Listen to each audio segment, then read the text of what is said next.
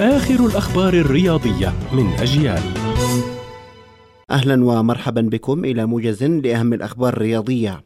قرر نادي برشلونة عرض مهاجمه الفرنسي عثمان ديمبلي للبيع خلال فترة الانتقالات الشتوية الجارية.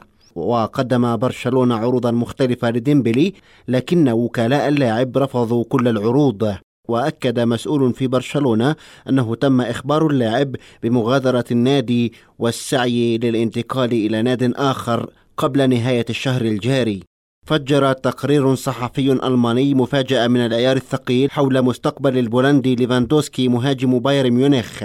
وبحسب صحيفة بيلد الألمانية فإن عقد ليفاندوسكي مع بايرن ميونخ ينتهي في 2023 لكن النادي الألماني يفكر في بيع البولندي الصيف المقبل إذا لم يجدد عقده.